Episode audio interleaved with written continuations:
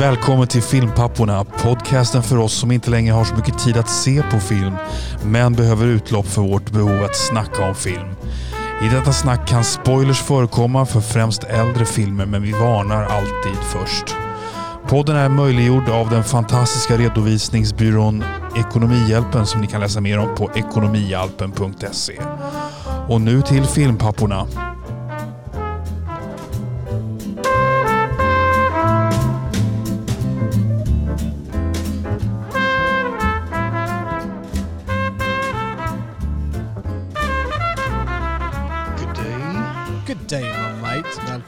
Filmpapporna.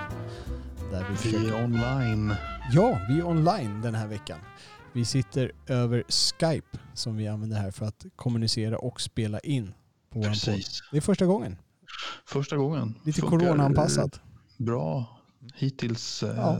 15 sekunder in. Det ska bli intressant att höra ljudet sen när jag regisserar, men det låter bra i mina lurar i alla fall. Du har Ja. en fräsch mikrofon. Du ser ut som en riktig radiopratare med den här, här spotskydd eller vad det heter. Ja, men detsamma. Bra, så välkomna till Filmpapporna. I dagens avsnitt så kommer vi köra vanliga frågesporten och eh, utmana varandra med lite filmklurigheter. Sen blir det veckans lyssnarfråga. Vi har fått in en från Robert P. Vi har lite filmnyheter, bland annat lite om Zack Snyder och Justice League. Förlåt Oliver, men jag tänker klämma lite mer om Ja. det. Och sen eh, några filmtrivialiteter innan vi tar recensionen och rekommendationen som vi har.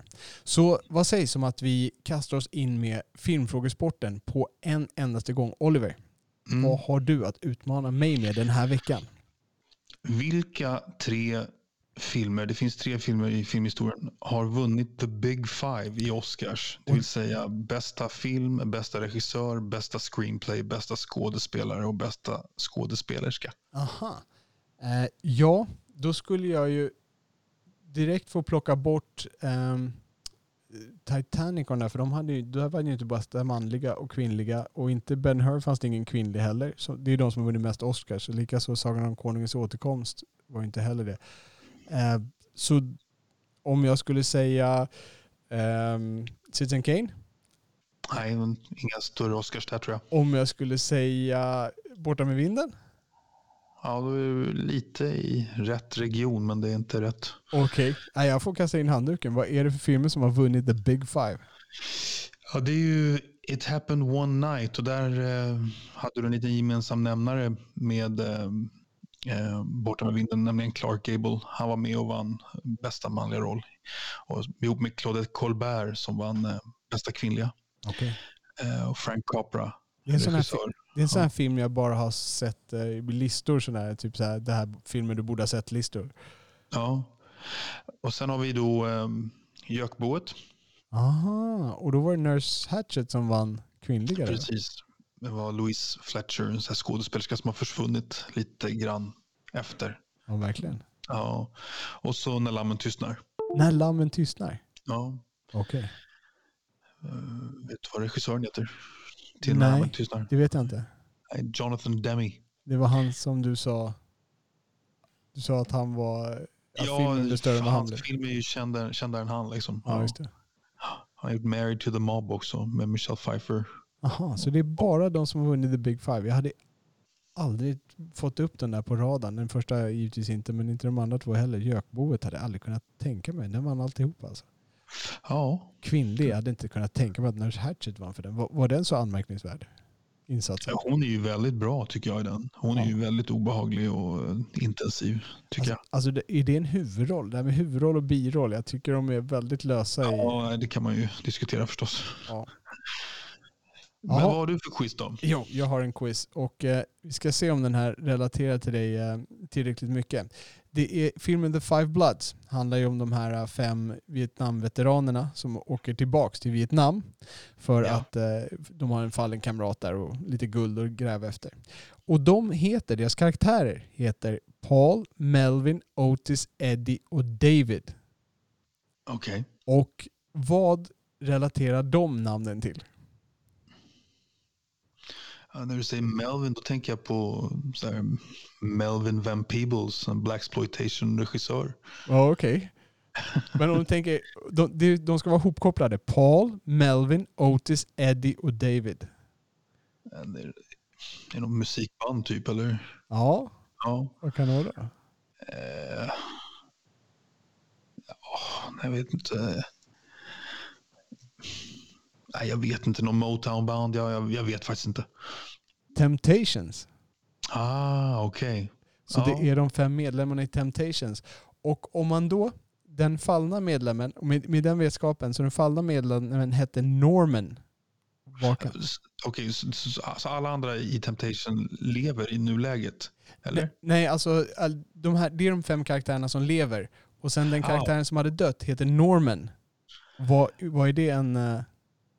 Ja, då gissar jag att det är kanske Norman Whitfield helt Som- som var någon eh, låtskrivare på, på Motown. Eh, det vet jag bara för att ehm, han nämns i eh, någon biografi om Marvin Gaye. Han jobbar med Marvin Gaye. Tänker han jobbar väl även med Temptations. Då. Ja, just det. Och det är helt rätt. Det är Norman Whitfield och eh, det, han producerade typ alla Temptations Motown-skivor eh, på 60-70-talet där. Okej. Mycket bra. Just det, nu kommer jag på en låt han har skrivit som jag tror är eh, Temptations faktiskt. Den här eh, Just My Imagination. Aha. Det är en låt av Norman Whitfield. Okej. Tror jag. Får jag googla det snabbt? Det, visst är det Temptations som har gjort My Girl också? Den mest kända versionen av My Girl ska jag säga. Precis. Och Ja. Papa was a Rolling Stone. Ja, just det. Jo, just det. Skriven av Norman Whitfield och Bar- Barrett Strong. Just My Imagination. Okej. Där ser man. Temptations hade lite soundtrack-närvaro också såg jag. Det var, de hade 82 credits tror jag på soundtracks till filmer. Så de Okej. deras musik har använts väl Mm. genom åren. Bra. Dagens filmfråga. Vi stänger den burken och går över till dagens lyssnarfråga där vi båda får fundera lite grann på något som våra lyssnare har gjort. Och där tänkte jag först höra av mig gällande en... Eh, Häromveckan så pratade vi en, gick vi igenom en fråga som vår lyssnare Martin hade skickat in om vilka som var de bästa filmerna från 00-talet. Alltså 00 till 09. Eh, och då hade du en liten vinkling där på att eh, du tog de bästa filmerna från olika länder. Den bästa franska, den bästa amerikanska, den bästa brittiska. Och då ställde jag lite på skoj ställde frågan vilken är den bästa japanska? Ja, det, det visste du inte riktigt. Och då gick Martin in och eh, svarade att den bästa japanska 00-filmen är Battle Royale. Den har jag faktiskt sett. Ja. Okej. Är det den när det är en massa barn, alltså det är lite flugornas herre? Ja, det är lite Lord of the Flies. Jag kommer verkligen inte ihåg handlingen speciellt väl. Jag minns att jag såg den för att jag vet att um, vad heter han, en hårding, Takeshi Kitano är med i den. Ah, Okej. Eh, en sån här en kultskådis som var med i mycket polisfilmer på 80-90-talet som jag gillade. Eh, men jag var inte så förtjust i, i den filmen. Jag vet att även Tarantino har hyllat den. Eh, Jag har inte riktigt förstått storheten i den filmen. Det är mycket möjligt att jag missar någon dimension i varför den är så bra. Borde jag se den? Det tror jag säkert du skulle faktiskt. Okej. Mm. All right. Då får jag lägga till den på listan också. Men veckans filmfråga däremot, den kommer från Robert P. Och det var skönt att höra av Robert P. Det var nämligen så att eh, vi skulle ha haft ett eh, projekt med Robert P. Vi skulle ha prata Ridley Scott med Robert P. här som eh, gästpratare här inne i studion. Eh, och haft det som ett litet tema här under eh, senvintern. Men det gick ju om stöper där på grund av bland annat Robert själv hade ådragit sig lite corona och fick isolera sig. Eh, och sen när det sen blev tyst på hans front, då blev det, jag blev lite orolig där så jag skickade några mejl. Men eh, nu har jag fått veta att allting är bra. Han har bara haft eh, mycket upp på jobbet, eh, mycket att fixa med på jobbet och eh, Eh, mycket privat också. Så att eh, det är därför som det har varit tyst. Så att allting är bra med Robert och han har dragit in en lyssnarfråga. Eh, och då lyssnarfrågan var, vad är våra bästa bloopers som man har låtit vara kvar i filmen? Och han, han har nog en lite bredare tolkning på bloopers än gemene man. För första exemplet han tog det var när Luke och Leia kramas efter att de har sprängt dödsstjärnan. Då är det Leia, hon springer fram till Luke då och skriker Luke. Och då springer Luke fram och skriker Carrie som är namnet på karaktär, eller på skådespelaren, inte på karaktären. Och man hör inte riktigt det där i filmen, jag visste själv inte om det. Men sen tog han också exempel från Indiana Jones.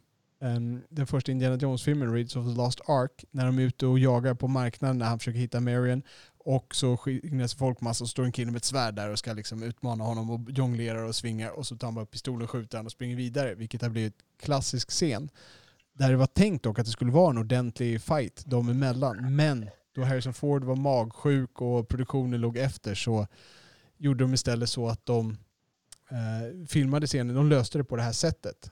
Och då är det lite mer improvisation, i det här fallet kanske från regissörens sida eller scenskrivarens sida. Eh, så att han, han, han breddar lite grann, så det är lite improvisation sådär.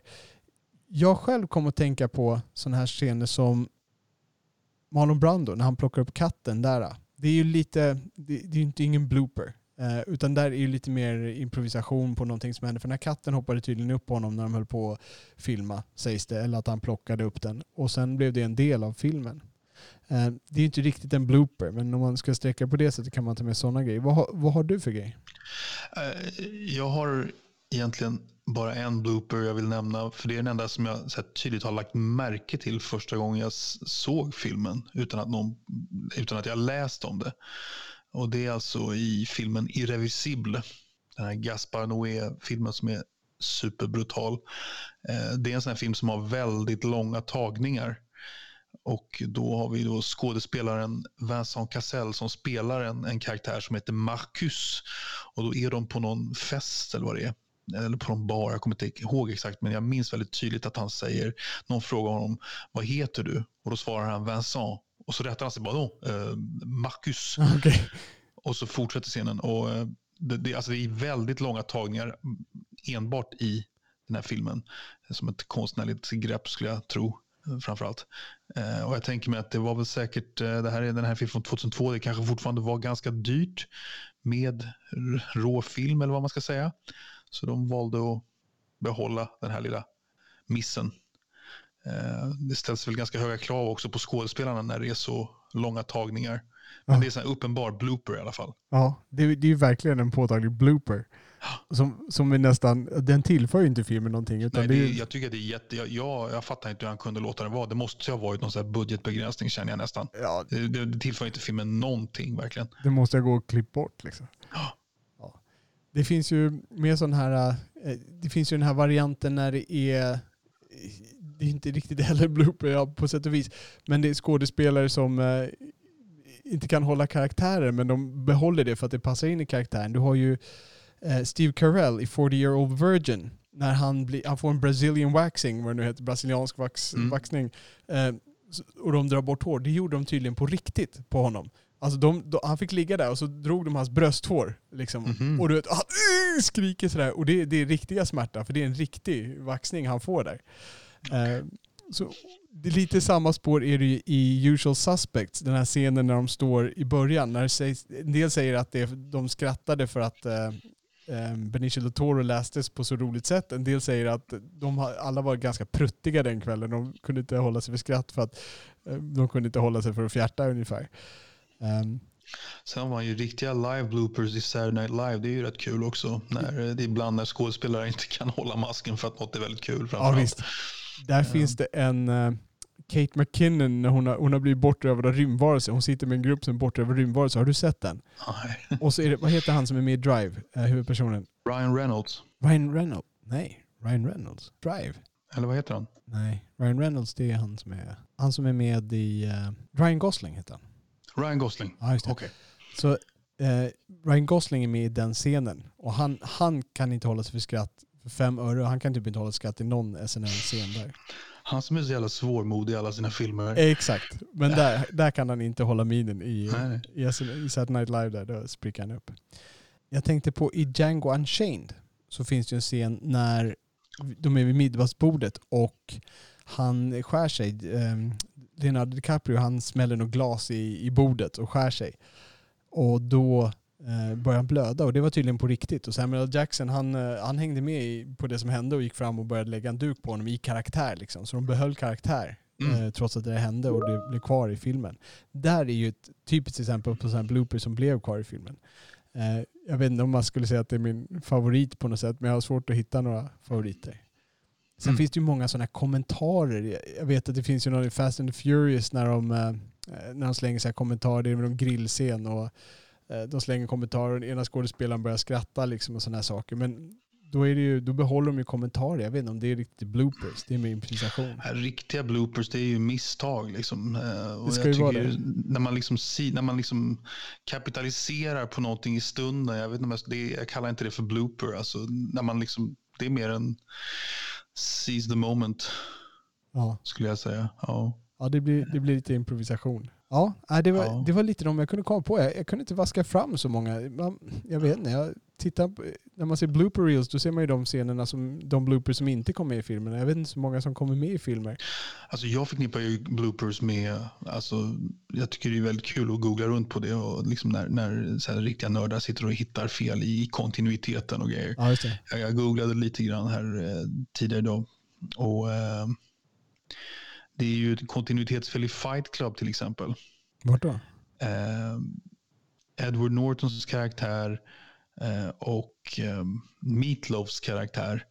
Eh, i, I en scen så är Edward Norton längre än, än eh, Meatloaf och i en annan scen så är det tvärtom. Okej. Alltså i, de ser, Ja. ja, just det. Ja. Vem är längst egentligen? Det måste ju vara Meatloaf. jag har ingen aning. Jag tänker mig att, jag vet inte om Meatloaf är så lång. Edward Norton är inte så lång. Man ser honom i Rounders med Matt Damon. Han är, han är ju bra bit Men jag, skulle gissa att, att, att, eh, kan, vara, kan han vara 1,80 och hur lång är Meatloaf då? Nej, så jag skulle gissa att eh, Norton är kanske 1,75 eller så. Tror du det? Ja. Ja, min gissning. Ja. Vi- Visste du förresten, som, en, som ett avslutande på det här. Du vet jag pratade om den här Star Wars-scenen. Förlåt, Alltså, jag googlar här. Edward Norton är 1,83. 1,83. I, I sit corrected. Men Meatloaf kanske är jättestor även på höjden. Jag vet inte. ja. Eh, det, och, eh, som en avslutande här. ehm, på, I Star Wars Episod 5, Empire Strikes Back, jag har pratat om den här scenen när han solo sjunker ner som en av de coolaste replikerna där. Eh, när prinsessa Leia säger I love you och han bara säger I know. Egentligen så skulle det ha varit I love you too enligt manus. Så det var han som improviserade och eh, Josh Lucas behöll det. Återigen, Okej. inte en blooper, men en, nej.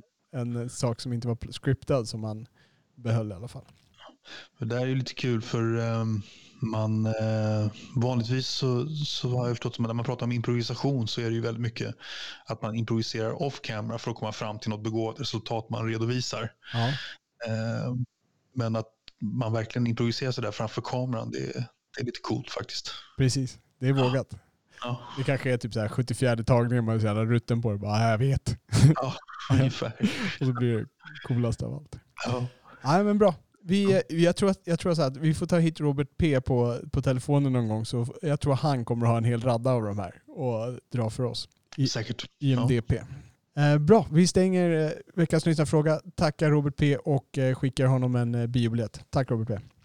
Vill ni skicka in era lyssnarfrågor, skicka in på Twitter eller gå in och lämna en kommentar på vår sida så tar vi det därifrån. Vi går in på nyheterna, filmnyheter. Okej. Ja. Vi har ju haft Golden Globes och där Nomadland vann bästa drama och eh, Borat Subsequent Movie Film vann bästa musikalkomedi som de bästa filmerna. Och sen delades det ut lite skådespelarbelöningar givetvis. Vad har du noterat från... Det enda jag noterade överhuvudtaget det var att ehm, Ludvig Göransson inte vann. Han som gjorde soundtracket till... Soundtrack till Tenet. Ja. Ja. Eh, jag, jag noterade att han hade vunnit i princip allt som man ska kunna vinna i USA i övrigt. Han har vunnit för han har vunnit en Emmy, han har vunnit en Grammy och han har vunnit en Oscar. Det var liksom Golden Globe och det han saknade i sitt lilla bagage. Vad vann han Oscar för? Eh, Black Panther? Jaha, okej. Ja. Han vann en Oscar för den. Det Ja, var tusan vad den, eh, den, den filmen blev eh, mer belönad än, än vad man kunde tro. Eh, ja. Det jag noterade var Chadwick Boseman som vann för bästa skådespelare i Ma Rainey's Black Bottom som vi Ja. inte var så varma för. Eller, inget fel, inte dåligt men Nej. inte nämnvärt fantastiskt heller. Nej. jag har ju dock inte sett de andra för Gary Oldman i Mank har jag hört mycket av. Du började väl titta på Mank men eh, Ja, jag, jag gav upp lite på den. Ja. Eller jag gav upp, ja. så hur var han de första tre minuterna? Nej, Jag kan inte säga det. Han ligger där i någon säng och är alkoholiserad. Det, var, det, det, var väldigt, det såg väldigt kompetent ut allting. Ja. Liksom. Men det, det då var borde han ha vunnit med andra ord. Vad Ja. sa du? Då borde han ha vunnit. För de han slog, Säkert, de Chadwick ja. Boseman slog var Riz Ahmed i Sound of Metal, Anthony Hopkins i The Father, i Gary Oldman i Mank och sen Tahar Rahim i Mauritanien. Okej. Sen märkte vi att Viola Davis, hon vann inte som bästa skådespelerska. Utan den gick till en liknande roll där Andra Day spelade Billie Holiday i filmen The United States vs. Billie Holiday. Just det. det. Det låter ju som en paradroll måste jag säga. Alltså, eh, det låter ju som att det kan bli även en Oscar för en sån roll. Det känns ju som att när det är en sån här riktig, nu vet inte jag, jag bara utgår från att det var en riktig tour de force av henne. Att, det där brukar vara tacksamt. Det finns ju andra skådespelare som har vunnit Oscar för att gestalta eh, musikartister. Om du tänker dig, eh, vad heter hon då? Eh, Marion Cotillard har ju spelat Edith Piaf, ska ju vara fantastisk. Och du har Jamie Foxx som har spelat Ray, Ray Charles och du har även eh, hon från Jeremy Maguire som heter eh, Renee Zellweger. Ja, just det. Hon har ju spelat um, Judy Garland. Precis. Och, och den filmen, eh, när hon spelade Judy Garland, jag har för mig att hon fick eh, beröm men filmen fick kritik. Ja. Och det, samma sak var det här. Den här filmen har inte blivit håsad. Däremot har hon fått mycket beröm för sin fantastiska gestaltning. Så mm. kanske är det lite bortkastat på en film som inte höll måttet. Mm. Ja, om du ser den filmen så lyssnar jag gärna med dig vad du tyckte om både filmen och hennes insats i den.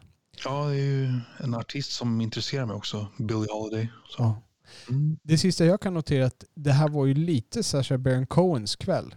Eh, han var nominerad till eh, bästa biroll för sin roll i filmen som vi ska prata om idag, eh, som jag ska recensera idag, vilket är The Trial of the Chicago 7. Han vann för Borat Subsequent Movie Film, alltså filmen vann. Och sen vann han som bästa skådespelare i en komedi eller musikal. Eh, just för Borat Subsequent Movie Film, den fantastiska titeln. Okej, okay. ja. Eh, den bästa foreign language-vinnaren. Det här, det här förstod jag inte. Best motion picture, foreign language. Eh, och då fanns det en dansk, en guatemalisk, en italiensk och en fransk film. Den som vann var Minari, USA. Va? Okej. Okay. Är det, är det något på något annat språk då alltså? Måste det vara. Det borde jag nästan kollat upp. Men det var, det var en sån här sak jag noterade när jag tittade på den här listan bara.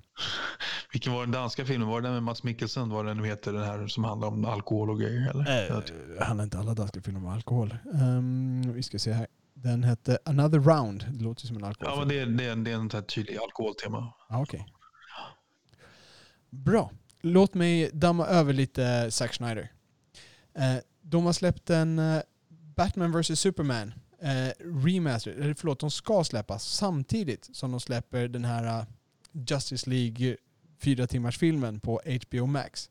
Och det är en, det är en eh, vad jag förstått så är det en Directors Cut och det är en remaster. Jag vet inte exakt vad den kommer innehålla, men den ska släppas samma dag.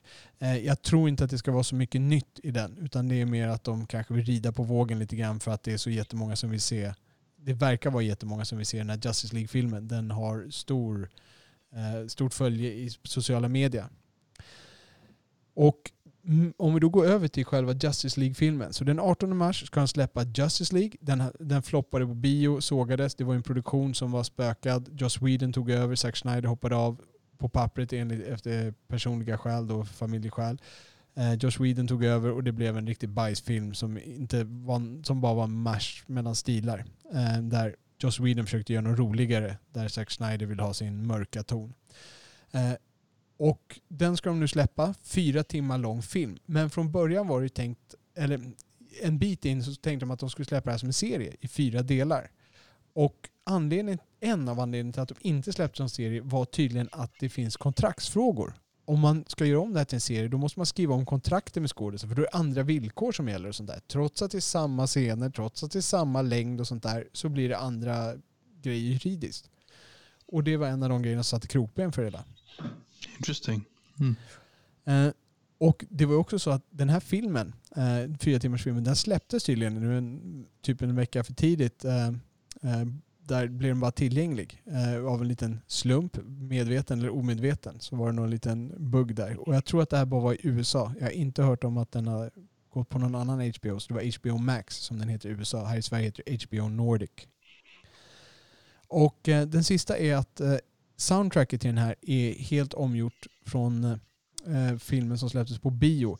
Det är Junkie XL heter artisten slash kompositören som har gjort det här.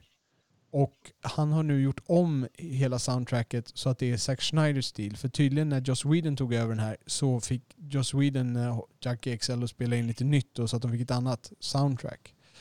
Men nu har Junkie XL gått tillbaka och gjort, eh, gjort det som Snyder vill ha det. Så att det är ett helt nytt soundtrack till den här också. Det var uh, min radda med uh, nyheter härifrån. Och den här filmen släpps alltså nästa vecka. Okej, okay, vad heter den här um, zombiefilmen han skulle göra också? Army of the Dead. Just det. Den tyckte jag lät kul faktiskt. Jag tycker både den och den här debutfilmen han gjorde med zombies som jag tittade en liten uh, trailer på. Verkade ja. Bra faktiskt. Dawn of the Dead, titta på den. Skit i Army of the Dead. Jag tror inte du kommer njuta av den. Men, eller jag ska jag säga, jag har inte sett den men jag har inte stora förhoppningar. Men Dawn of the Dead, den tror jag att du kan plocka upp. Om du kan leva med zombiefilmer ja. så tror jag att du kan plocka upp den filmen. Okej. Okay. Absolut. Kul. Ja. Um, en liten vatten på kvarnen fick jag också när Daisy Ridley som spelar Ray i Star Wars, de nya filmerna, eh, berättade att i, i den femte, i den, förlåt, i den nionde filmen, där blev ju hon plötsligt eh, kejsarens barnbarn och kejsaren kom tillbaka från ingenstans. Och min, min stora kritik är att det här är bara hopklistrat skit som de bara klistrar ihop och det är dåliga idéer. Och hon bekräftade också att den här idén fanns inte någonstans. Utan tanken, det hon hade fått berätta för sig, att hon skulle vara en nobody som, som eh, episod 7 och episod, framförallt episod 8 lyfte fram. Liksom att hon kom liksom från ingenstans. Hon var ingen Skywalker, hon var ingen Obi-Wan Kenobi. Utan hon var nobody och det var liksom tanken. Och sen klistrade de bara ihop den här skiten i nian och bara nu skriver vi om allting. Right. Ja. Den, den, filmen blev inte bättre av det här. Nej, nej. nej det, blev, nej, det är en riktig bajsrulle. Men som sagt, jag har en hel podd där jag bara sitter och spyr galla över den. Jag kan länka till den så att alla kan gå in och lyssna på det om ni njuter av sånt. Eh, bion hade ju öppnat i New York, pratade vi om ja. Eh, förra veckan. Och, eh, I USA? Ja, precis. York, USA. Ja. precis. Och hur gör man för att få tillbaka biobesökare till New York? Popcorn, lägre priser? Nej, man, man ringer Liam Neeson. Så Liam Aha. Neeson får stå nere i vestibulen och säga hej och välkommen. Han har givetvis på sig en, eh, sin eh, mask och han har tagit en vaccin där då så han vare sig ska smitta eller bli smittad antar jag. Jag vet inte om man, inte, man, jag vet inte om man kan bära smitta när man är vaccinerad. Men hur som helst, han fick stå och välkomna biobesökarna. Allt för att dra så vi kan gå runt Han har ju någon film som går på bio nu, Marksman tror jag den heter. Spännande. Ja, det var lite intressant grepp.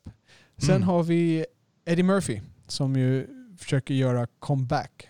Han eh, har ju varit han har gjort ganska lite nu innan Dolomite. Eh, de senaste åtta åren där innan Dolomite så gjorde han inte särskilt mycket.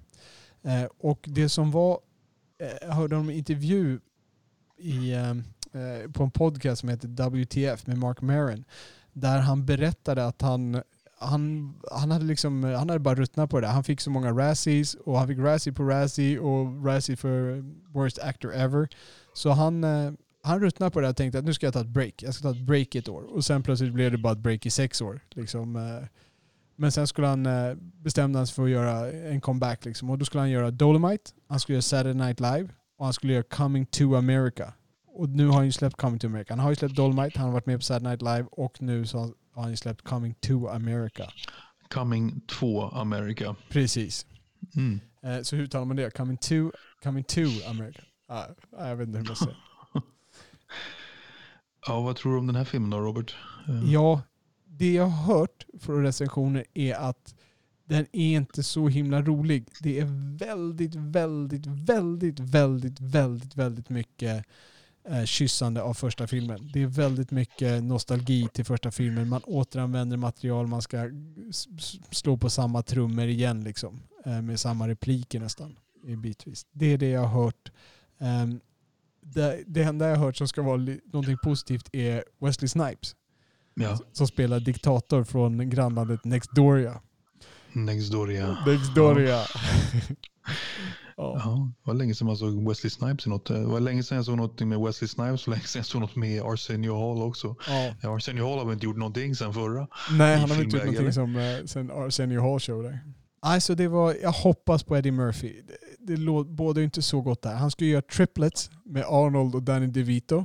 Det är ju uppföljaren till Twins och han ska göra Beverly Hills Cop 4. Men den här jäkla triplets, den känns som att man har pratat om i ganska många år. Ja, jag vet. Om man går in på IMDB så står den fortfarande med då som, Eh, jag kommer inte ihåg om det står in production eller vad det pre-production tror jag det. Ja. Och sen, sen samma sak med eh, Beverly Hills Cop 4. Åh, herregud. Efter Ja. trean som, jag vet inte vad de gjorde med trean. Ja, alltså, vi har hejat på Eddie Murphy, men det, det ser inte så lovande ut, måste jag säga tyvärr. Och slutligen en eh, sista nyhet. Det finns en film som heter Barb and Star Go to Vista Del Mar. Eh, jag vill Vista se den här filmen. Ja, Vista Del Mar. Och eh, jag kan inte hitta den här i Sverige. Det är en komedi med Kirsten Wigg och vad heter hon, den andra, Mumolo. Um, Annie Mumolo heter hon va? De som gjorde Är det Bridesmaids. Night Live-tjej också eller? Nej, Nej. In, nej, det är det inte. Inte mig veterligen. Um, de gjorde Bridesmaids och nu har de gjort den här som har flugit helt under radarn och de släppt på streaming. Så det verkar inte som att de har haft stort självförtroende den här filmen för de har liksom bara slängt in den på något hörn. Men det jag hört är att den ska vara väldigt rolig. Eh, det var eh, Chris Hewitt på Empire, Empire som skrev om den att eh, det var en av de roligare filmer han hade sett på ett par år. Så jag blir sugen att se den. Och Ja. jag skulle vilja se den med min fru också. Hon gillar ju Bridesmaids. Ja, Kirsten Wigg är ju alltid rolig tycker jag. Ja, Det, det jag sett med henne i alla fall. ja hon är bra. Jag, eh, är det någon som vet hur man hittar den här? Lämna gärna någonting på Twitter eller kommentarerna här. Men det verkar inte som att man kan hitta den i Sverige utan vi får väl vänta och se om den kommer. Så det var det vi hade för nyhetssektionen den här veckan. Då har vi veckans trivialiteter. Oliver, Mm. roa mig med vad är det veckans trivialitet? Jo, eh, det här hade jag faktiskt kunnat göra en quiz av också, men jag sparar till en ren trivialitet. Ja. Eh, det här är alltså från 2020, maj. Jag tror inte att det här har förändrats sedan dess. Ja. Eh, då fanns det ett företag som hette Buzz Bingo som analyserade 3500 filmskript eh, och eh, letade efter eh, svordomar. Jaha. Eh, låter det här bekant? Nej. Nej. Eh, och eh, då hade de liksom gjort en liten räkning på vilka skådespelare som har svurit mest. Cursat mest. Vad i hela filmen? Har han suttit och räknat? Ja. Ja. de måste väl ha haft någon bra dator eller någonting. Jag tror inte de satt manuellt och bockade av riktigt.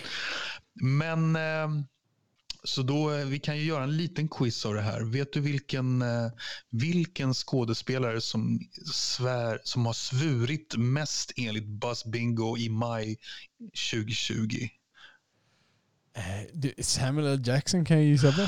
Ja, Samuel L. Jackson var faktiskt etta men blev ett nedpetad för något år sedan enligt den här. Då. Okej. Ehm, Så nej, etta är faktiskt Jonah Hill. Jonah Hill. Ja. Eh, han svär väldigt mycket i en film som heter Superbad. Kommer du ihåg den? Ja, jo. Supersugen. Ja. Ja. Och svär han framförallt väldigt mycket i The Wolf of Wall Street. Det är ett, änd, ett ändlöst svärande i den filmen. Det är den film som har flest svordomar. Wolf of Wall Street. 715 svordomar. Det är en ganska lång film så att den har väl inte världens högsta ratio men flest antal svordomar. Okej. Ehm, och, eh, så, så Jonah Hill är den mest svärande skådespelaren. Sen den näst mest svordomsfyllda filmen, kan du gissa vilken det är? Pulp Fiction? Nej. Uncut Gems. Uncut Gems. Okej. 646 svordomar. Jag kommer inte ihåg det som så mycket svordomar. Jag kommer ihåg en väldigt pressad eh, Adam Sandler som säkert svor en del, men att det var så mycket svordomar, det har jag helt glömt bort faktiskt. Och det, är väl lite grann för att svordomarna i Pulp Fiction, de görs ju till någon sorts konst liksom. Det, det, ja, det blir Scarface och där. Det, finns ju så här. Ja, visst. Ja, visst. Sen har vi Casi- Casino i trea, 606 svordomar. Oh la la. Och sen har de faktiskt räknat ut också, det tycker jag var lite intressant här nästan, eh, eh, vilken eh, film som har flest svordomar per tusen ord, alltså som har flest svordomar i rate. Ja, okej. Och eh, om du lyckas gissa vilken film det här är, då bjuder jag på tre rätter på Grand Hotel. Oj, oj, oj. Det är um, Dansa med vargar. Nej, jag har ingen aning. ja, det hade varit något. Ja, nej, vad gissar du? Har du oj. bättre gissning? Nej, nej ja, det kommer ju vara någonting som man inte väntar sig. Eh, svordomar per tusen ord. Det, det lär ju vara någonting där man inte har så mycket. Jag säger att det är Valhalla. Ja, nej.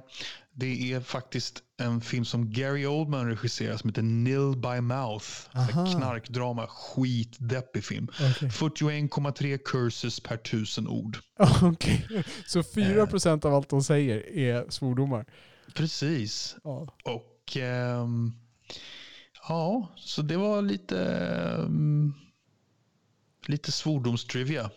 Vil- Eh, Vilket jobb ja. att, att någon sitter och gör det där. Jag är glad att det finns någon som gör det. Och man förstår ju på något sätt att det finns någon som gör alla de här knasiga grejerna. Liksom.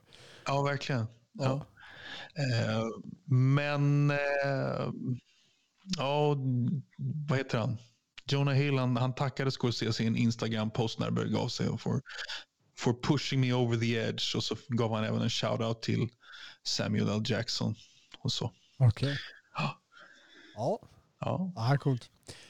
Jag, eh, jag ska hålla mig li, lite långsökt eh, på samma spår där. Om man ser shit som en svordom så ska vi prata lite shit-relaterat. Okej. Ehm, det finns en... eh, det, vilken är den första amerikanska filmen där man har en toalett som visar en toalett på skärmen? Alltså på, på duken. Det var tydligen ett tabu. Jag visste inte om det. Det var tydligen ett tabu att visa toaletter på filmduken.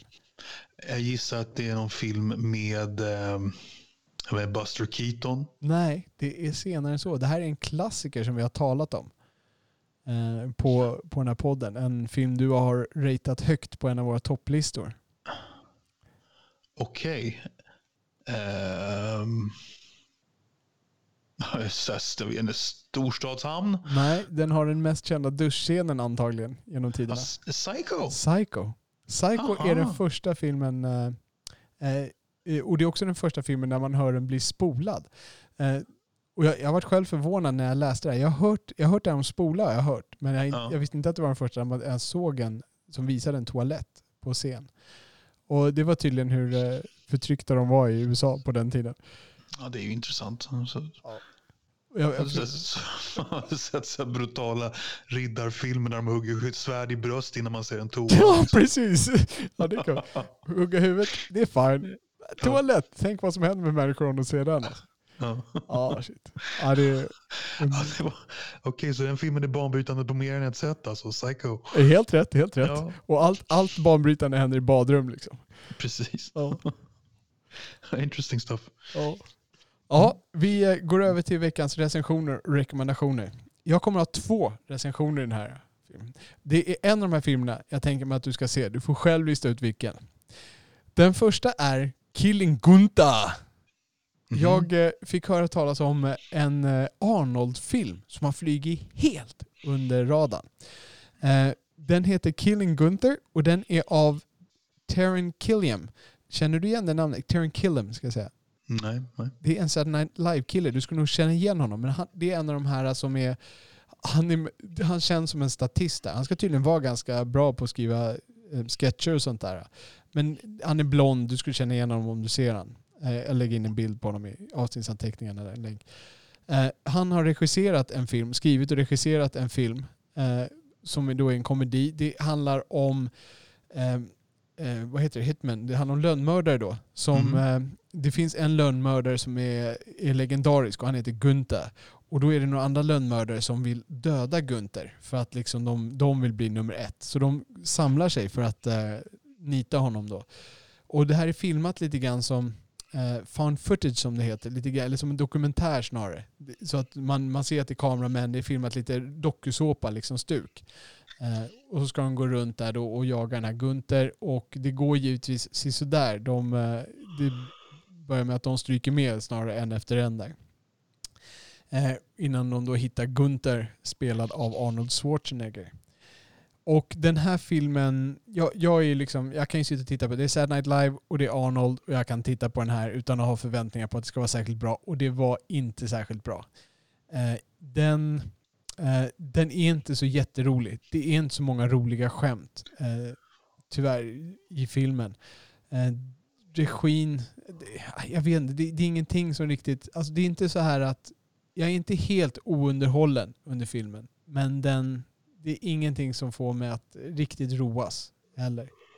Utan den är ganska, den är ganska seg. Det, det är ganska långt mellan skämt eh, och det är ganska mycket, det är för mycket försök till eh, skämtdrama liksom som inte funkar. Så eh, ingen tummen upp för Nej. Arnold denna gång. Nej. Nej, och den har inte fått så bra betyg heller om man tittar på, jag tror hon fick 4,8 på IMDB, vilket är ovanligt lågt. Så att eh, Okej. jag är inte så ensam i den kritiken heller.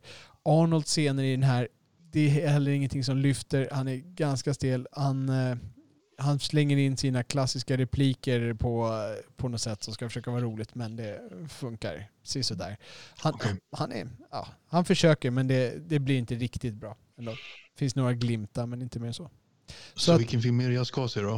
Eh, Då är det The Trial of the Chicago Seven. ja, Det handlar om, det var upplopp i Chicago eh, 1958, 68, måste jag tänka, 68 var det. Eh, var det upplopp i Chicago. Det var protester mot Vietnamkriget. okej. Eh, och det här är någonting som jag inte hade talas om, som jag då lärde mig genom den här filmen. Eh, och det här upploppet var väldigt politiserade och det var Nixon som då hade tillträtt. Han ville sätta ner foten och åtalade några, eh, sju personer då som var utsågs till ledare för det här eh, upploppet och de eh, kom till rättegång då. Eh, och om man dömer av den här filmen så var den här rättegången ganska tiltad i, i eh, åklagarens favör eh, genom en domare som var minst sagt la- labil eller, eller åtminstone lagd till att de här är mer eller mindre skyldiga. Ehm, den här filmen är, jag, jag vet inte om, jag ska, om man kan säga så mycket mer om handlingen där. Det handlar om, om de här åtalade och hela den här rättegången. Den är skriven och regisserad av Aaron Sorkin, som vi har Är det talat om hans tidigare. första film som regissör? Nej, det eller? är hans andra film. Han har gjort en som hette eh, Molly's Game, som också har fått eh, högt betyg, som jag har hört bra saker om. Den har jag sett små fragment av. Det är ju med eh, Jessica Chastain. Helt korrekt. Ja, den, är, den verkade bra. Ja, eh, den har fått bra betyg som sagt. Så att eh, han verkar ha, ha ett öga för det här. För den här filmen är riktigt välgjord. Den är väldigt bra klippt. Alltså väldigt bra klippt. Eh, och den är... Dialogen är väldigt, vad kan man säga på svenska? Jag skulle säga slick. Vad kan man säga på svenska? Ja, skarp, vass. Ja, ja absolut. Det, är- alltså, och det är, den, är- den är dock lite för skarp. Den tappar känslan av realism. För att det är, alla har liksom en, en bra replik tillbaka. Liksom.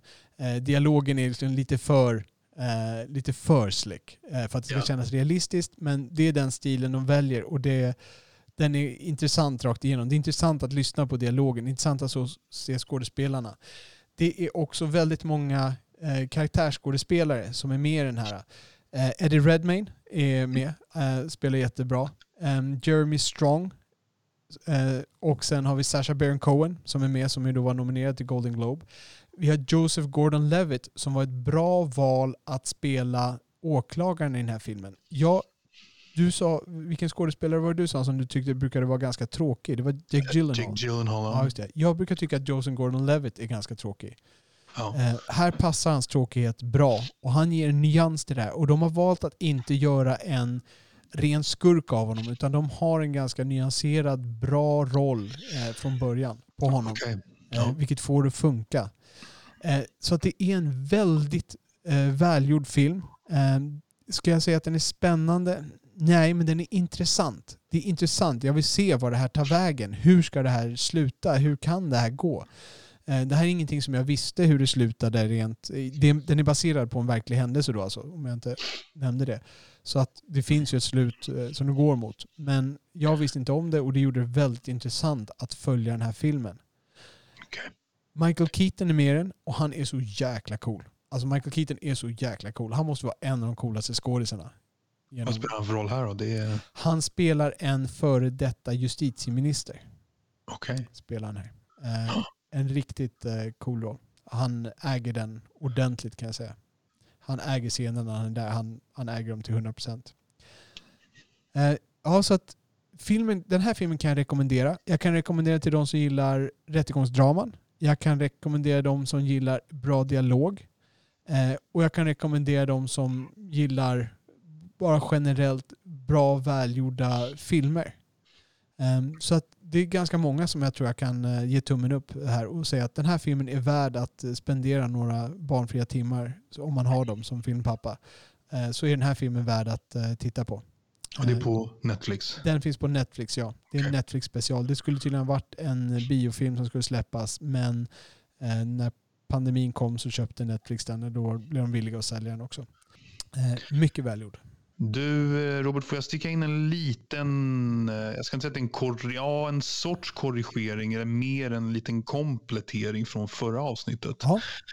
Eh, vi pratade ju om det här med eh, om man ska börja ha kvinnor som spelar James Bond eller eh, sådana där eh, riktigt... Eh, ja, vi pratade om det här med att, att liksom byta kön eller ras på liksom, traditionella vita mansroller, kortfattat, var ju Mm. frågan. Och där var vi ju inne på att eh, vi eh, tyckte Ja, vi behöver inte gå in så mycket på vad vi tyckte då. Det, det ligger i förra avsnittet. Men en grej vi pratade om det var eh, den här tjejversionen av Oceans 11 som blev Oceans 8. ja, just det. Eh, och då, tror jag, då tror jag du som sa Robert att, eh, att den här filmen inte gick speciellt bra. Det är liksom box office-mässigt, men det får man nog säga att den gjorde. Eh, den hade en budget på 70 miljoner dollar och den drog in 297 miljoner dollar. Ja, gick den klart på. Ja. Så det är en stor hit. Den, den har ju gått eh, sämre än de här tre med männen. Då. Den första, Oceans Level, gick ju bäst med 450. Sen den andra gick näst bäst och tredje, tredje bäst. Men där, den liksom känd- drog väl in en 310 eller vad det var. Så att Oceans 8 med tjejerna gick nästan lika bra som killarnas trea där. Men va- var det 200 miljoner eh, worldwide eller var det 200 miljoner i domestic? 297 miljoner worldwide. Okej. Mm. Ja. ja, det är ju det är ju acceptabelt klart. Så då är det Ja. inte dåligt. Nej. Ja, men då, Ja. då sitter jag rättad. Ja. Har du en eh, rekommendation? Ja, jag har lite så här en eh, rekommendation lite grann till filmnördar får man säga. Det här är inte riktigt eh, allas cup of tea. Eh, men jag pratade ju om The Fabulous Baker Boys i förra avsnittet och den är ju fotograferad av en fantastisk fotograf som hette Mikael Ballhaus. Han har ju fotograferat mycket av eh, Fassbender och mycket av Scorsese. Och så har han fotograferat Under the Cherry Moon med Prince också. Ja. Eh, och han är ju känd som en av de största fotograferna. Så jag tittade upp honom lite grann vad han hade gjort i regissörsväg. Och han hade inte så jättemycket att komma med men han gjorde en dokumentär eh, tillsammans med en man som heter Ciro Capellari. De var liksom två regissörer som gjorde en dokumentär som heter In Berlin som kom 2009. Och eh, det, är en skil- det, är en skildring av 20 olika individer i Berlin. Eh, och den har ett eh, betygssnitt på 6,9 på IMDB. Okej. Så jag liksom rekommenderar eh, filmnördar och mig själv att try this one out. Jag kan inte säga om den är bra för jag har inte sett den. Men jag är pepp på att se den här i alla fall. Okej, så man ska testa den om man är lite filmnörd? Jag tror kanske man ska vara lite filmnörd för att se den här. Ja. Ja. Okej. Ja. Så då har vi, förlåt vad heter den? In, in Berlin. Berlin. Så det är inte Amber Lynn? Inte Amber Lynn. eh, In Berlin eventuellt. Jag hittar bara, det står bara in, det står bara in Berlin. Det kan ju vara Ja. in Berlin eller in Berlin. Jag är inte tillräckligt bra på tyska för att kunna översätta he- rakt av in Berlin. In Be- Berlin Ja, eller det ja. In Berlin står det i alla fall. Så In Berlin och The Trial of the Chicago 7 blir våra rekommendationer den här Yes. veckan. Cool. Bra. Då tror jag vi kan knyta ihop eh, påsen på det här. Vi höll eh, tempot eh, ganska bra genom det här avsnittet. Ja, Jag hoppas att vi kan få med Robert P nästa avsnitt så att han kan eh, dra och berätta lite för oss eh, vilka bloopers som vi missade och borde absolut ha tagit med. Så kan vi typ fylla en och en halv timme med bara det tror jag. Om jag inte Ja. har fel. han, han lär ju, tror jag, ha lagt märke till den här eh, irreversible eh, bloopern jag nämner. Har, man, Ja. har man sett filmen så har man lagt märke till den. Så obvious är den. jag undrar om, jag tror inte Robert P har sett Irreversible. Nej, Nej. Jag tror att det är en av de filmer som ligger utanför hans kartotek. Men det skulle inte förvåna mig om jag har fel. Nej. Nej. Så med det kan vi säga, om ni har något att kommentera eller korrigera för dagens avsnitt så kan ni göra det i avsnittskommentarerna på vår hemsida. Går ni in och går in på avsnittet, skriver en kommentar där nere, rättar oss eller kommenterar oss eh, som ni vill. Ni kan också följa oss på Twitter, där vi är filmpapporna, där ni kan hojta till på oss. Vi brukar twittra där lite då och då. Eh, och med det så tackar vi den eminenta redovisningsbyrån Ekonomihjälpen som möjliggör den här podden. Och vi tackar våra värdar, nämligen Oliver Grassman. Och tack Robert Lindblad. Och mest av allt så tackar vi er som lyssnar. Det är ni som gör det här. Så kul! Tack och hej.